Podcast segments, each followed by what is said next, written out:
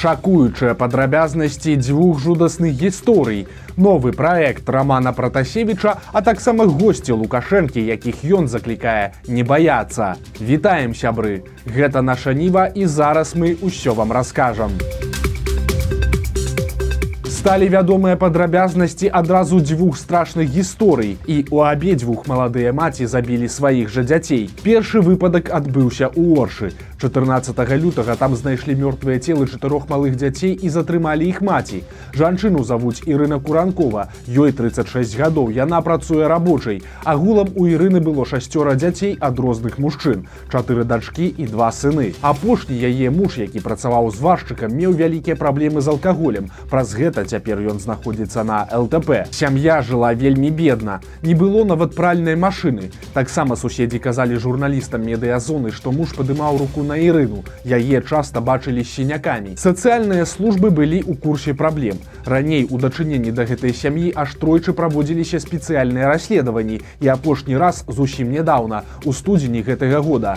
Па яго выніках было прызнана што ўсе шасцёра дзяцей знаходзяцца ў сацыяльна небяспечным становішчы бо ў доме доме нярэдка не было ежы для малых, а бацькі ігнаравалі рэкамендацыі як сацработнікаў, так і медыкаў. Цяпер органы сацапекі збіраліся забраць дзяцей сям'і. Далей здарылася страшнае. Калі пра гэта даведалася Ірына, то вырашыла, што аддаваць малых не будзе, а лепш іх заб'е. Яна задушыла чацвярых дзяцей узростам ад года і да восьмі. Пасля спрабавала здзейсніць самагубства, але не ўдала. Дзяцей знайшла іх бабуля. Яна не змагла дазваніцца да сям'і, таму прыйшла і адкрыла дзверы сваім ключом. У кватэры яна ўбачыла чатырох мёртвых дзяцей, якія ляжалі радком і іх маці ў крыві. Цяпер куранкова знаходзіцца пад вартай. На яе завялі крыміналку за забойства. Максімальнае пакаранне, якое ёй пагражае гэта 25 гадоў калоніі, бо ў Беларусі закон забараняе прысуджаць жанчынам расстрэл ці пажыццёвае зняволенне.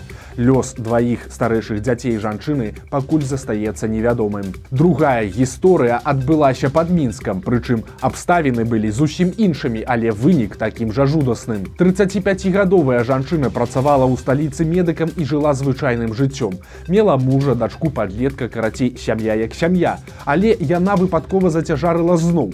Разам з мужам яны вырашылі, што больш дзяцей не хочуць і трэба перарваць цяжарнасць. Але на ранніх тэрмінах зрабіць гэта не атрымалася і чаму дакладна незразумела. А далей было ўжо позна.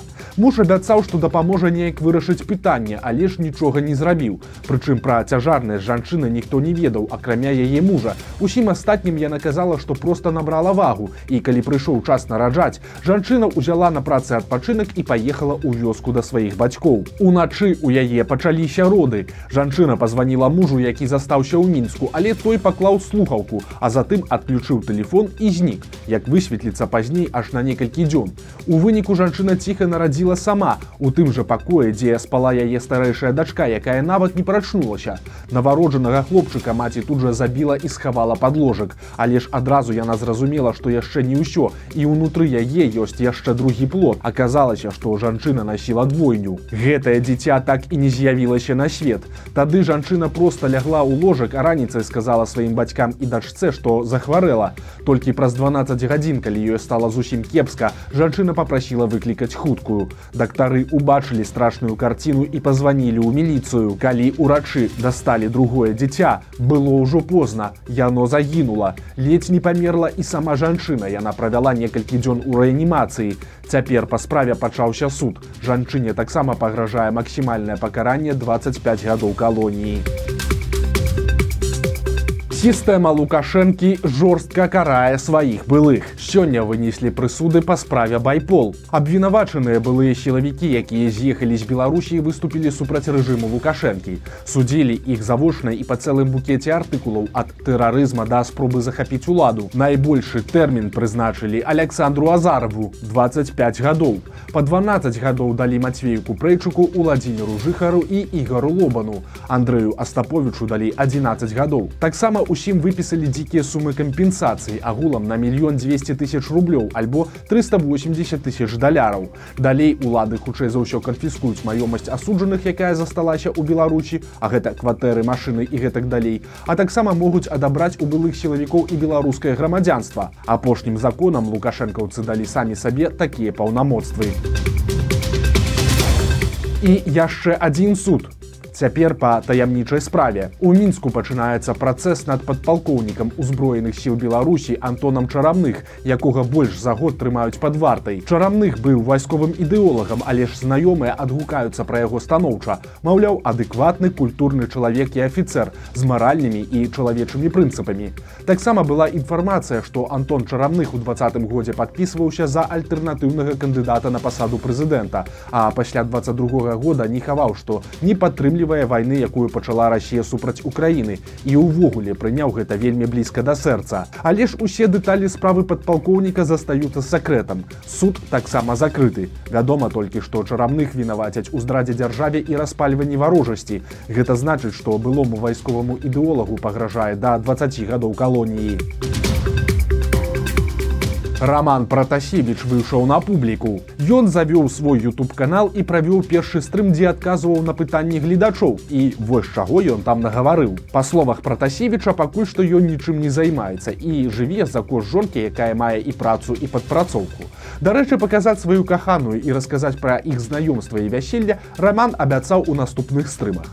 Пратасевіч запэўніў, што цяпер ён ужо зусім іншы чалавек, які не цікавіцца палітыкай і не чытае навін, а глядзіць бітву экстрасэнсаў і захапляецца раскладамі картару і нават мае сваю калоду. Увогуле было заўважна, што пратасевічу не вельмі хочацца гаварыць і пра пасадку самалёта і пра тое, што ён сваімі паказаннямі падставіў многіх людзей.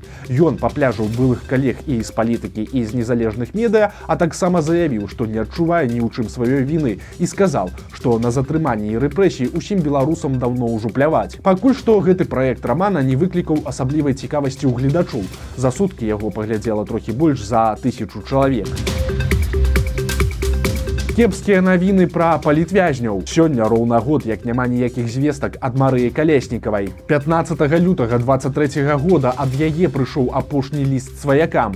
У якім стане зараз знаходзіцца калеснікава і што з ёй ніхто не ведае. На вялікі жаль яе сітуацыя не унікальная. Больш за год няма ніякай інфармацыі пра асуджанага на 14 гадоў міколу статкевіча а з красавіка няма канкрэтыкі і пра Віктора бабарыку. Агулам дзясяткі палітвязняў трапілі ў інфармацыйны вакуум разум. Лукашэнкаўцы пазбаўляюць іх перапіскі, пра стан сваіх блізкіх не ведаюць нават родныя. А гэты стан часам вельмі дрэнны. Выданне позірк паведаміла, што палітвязень сцяпан латыпаў за кратамі перахварэў на цынгу. Гэта хвароба, якая пачынаецца ад недахопу вітаміна С. Пачынаюцца праблемы з сасудамі і суставамі, крывавяць дзёсны і нават выпадаюць зубы. Па інфармацыі выдання латыпаву не перадаюць лекі і не аказваюць патрэбную медыцынскую дапамогу. Тут нагадаем, што сцяпан латыпаў арбарыст, вядомы абаронца мінскай плошчы перамен, якога асудзілі на 8 з паловай гадоў. Яшчэ падчас следства сцяпана катавалі ў сіза адпраўлялі ў так званую прэс-камеру і пагражалі пасадзіць яго блізкіх. У знак пратэсту латыпа ўздзейсніў спробу самагубства проста падчас суда. у Тым часам Лукашенко сёння атрымаў даверчыя граматы ад замежных паслоў. Граматы ўручалі прадстаўнікі гвінеі, Кыргызстана, Непала, Азербайджана, Узбекістана, Амана, Японіі і Турцыі. Ён нагаварыў гасцям пра год якасці ў Беларусі, анансаваў мадэрнізацыю прадпрыемстваў і пасля традыцыйна падняў келіх шампанскага. А пасла Японіі Лукашенко заклікаў не баяцца. Что касается Японии, ну, давайте сотрудничать. Что вы э, остерегаете все? Давайте будем по тем направлениям направлениям сотрудничать, где мы можем. Но если вы, в общем-то, хотите и можете с нами сотрудничать, ну что тут опасаться? У нас есть совместные темы, вы высокотехнологичная страна, приходите к нам. Для Японіі двери адкрыты. Праўда, калі японскі пасол уважліва чытае беларускія навіны, то насцярожанасць не дзіўная і мы тут нават не пра вайну, а якраз такі пра якасць і эканоміку. Літаральна сёння стала вядома пра чарговы красамоўны прыклад лукашэнкаўскага кіравання прадпрыемствамі і мадэрнізацыі. У баранавіцкае баваўнянае аб'яднанне ўлады пастаянна ўлівалі шалёныя грошы, каб выратаваць яго ад банкрутства. Прыязджаў туды і сам Лукашенко, супакойваючы работнікаў, але за 30 гадоў прадпрыемства так і не змагло стаць канкурэнтназдольным. І цяпер яго проста аддалі аршанскаму льнакамбінату з кароткім каментаром.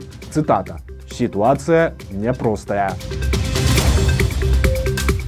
Але ж не ва ўсіх у беларусі ўсё кепска маладая настаўніца запісала ролик пра сваю зарплату і парвала садсеткі. Паглядзіце і вы Учителя получают копии. Всем привет, меня зовут Настя, и я учитель начальных классов. У меня уже есть похожие видео на канале, но все все равно продолжают спрашивать, сколько я получаю. Поэтому сегодня у меня есть для вас новая информация. Все хотя бы раз слышали от кого-нибудь фразу «учителя получают копейки» или что-то в этом роде. И даже я, когда говорила своим знакомым про выбор профессии, слышала такие слова. А сейчас сидят эти знакомые где-нибудь в офисе и получают, дай бог, хотя бы тысячу рублей. Это в лучшем случае. За январь, где было много выходных, я получила 1600 рублей рублей. У меня аж самой глаза на лоб полезли. Разумеется, не во всех школах и не у всех учителей такая зарплата. Это зависит от многих факторов. Просто я хочу сказать, чтобы не обвиняли эту профессию в маленькой зарплате, потому что для Беларуси эта зарплата далеко не маленькая. А если еще вспомнить то, что мне 19 лет, эту зарплату я получаю не в столице, нахожусь на отработке, у меня нет категории, я пришла после колледжа и не получаю высшее образование, ценность возрастает. Не правда ли? Мутная гісторыя КДБ і прапаганда хваляцца чарговымі масавымі затрыманнямі. Па афіцыйнай версіі яны схапілі як мінімум 14 чалавек, якія слухалі лекцыі для кадравага рэзерву новай Беларусі. Гэты кадравы рэзерв ініцыятыва кабінета ціханаўскай. Адукацыйны курс, куды можа падаць заявку любы жадаючы і затым глядзець лекцыі па дзяржаўным кіраванні. Цяпер прапагандыст Ігар Тур хваліцца, што ён быў адным з удзельнікаў гэтых курсаў цэлы год, а пасля здаў усіх сілавікам. Па АНТ нават паказалі кадры затрыманымі. Праўда, пакуль не зразумела ці сапраўды яны мелі нейкае дачыненне да ініцыятывы. Прадстаўнік кадравага рэзерву губарэвіч тлумачыць што атрымаць спіс удзельнікаў сілавікі не маглі але па яго словах нядаўна з'явіўся фэйкавы тэлеграм-канал под той же назвай. І магчыма людзі просто павяліся і пакінулі там свае звесткі. Але ж цяпер у затрыманых вялікія праблемы. Сілавікі ўжо хваляцца што завялі крыміналку за ўдзел у экстрэміскім фарміраванні а гэта да 6 гадоў калоніі. у Нешта незразумелае адбываецца ў лельчыцкім раёне, цэнтр якога знаходзіцца ўсяго за 10 кіламетраў ад мяжы з украінай. Улады ўвялі там рэжым контртэрарыстычнай аперацыі. На месца прыбілі тры верталёты з мінска. Мясцовыя чыноўнікі заяўляюць, што гэта проста вучэнні. Праўда, калі гэта сапраўдная контртэрарыстычная аперацыя, то выканкам нічога ведаць і не будзе, бо за такое адказвае КДБ, якое бярэ поўны кантроль над зонай аперацыі. І ў такім выпадку спецслужбам дазволена ўсё. Даглядаць і затрымліваць грамадзян і іх транспарт, уламлівацца ў любыя памяшканні і адбіраць мабільнікі. Праўда, гэта цяпер дазволена любым сілавікам і без усякіх там контртэрарыстычных аперацый. Карацей, будзем сачыць за сітуацыяй. Беларуская венецыя ну альбо лунінецыя. У беларусі пацяплела і пачалі разлівацца рэкі. У лунінецкім раёне вода ўжо стаіць на ганку дамоў. Таксама паціху выходзяць з берагоў прыпяць нёман шара і іншыя рэкі. Так што ў найбліжэйшы час многім жыхарам рэгіёнаў будзе мокра. Вось такія навіны чацвярга подписывайтеся на канал ставце лайки альбо дызлайки і выказвайце за ўвагі ў каментарах і канешне у чытайце нашу ніву, глядзіце нашу ніву і любіце Беларусь. Сустрэнемся заўтра.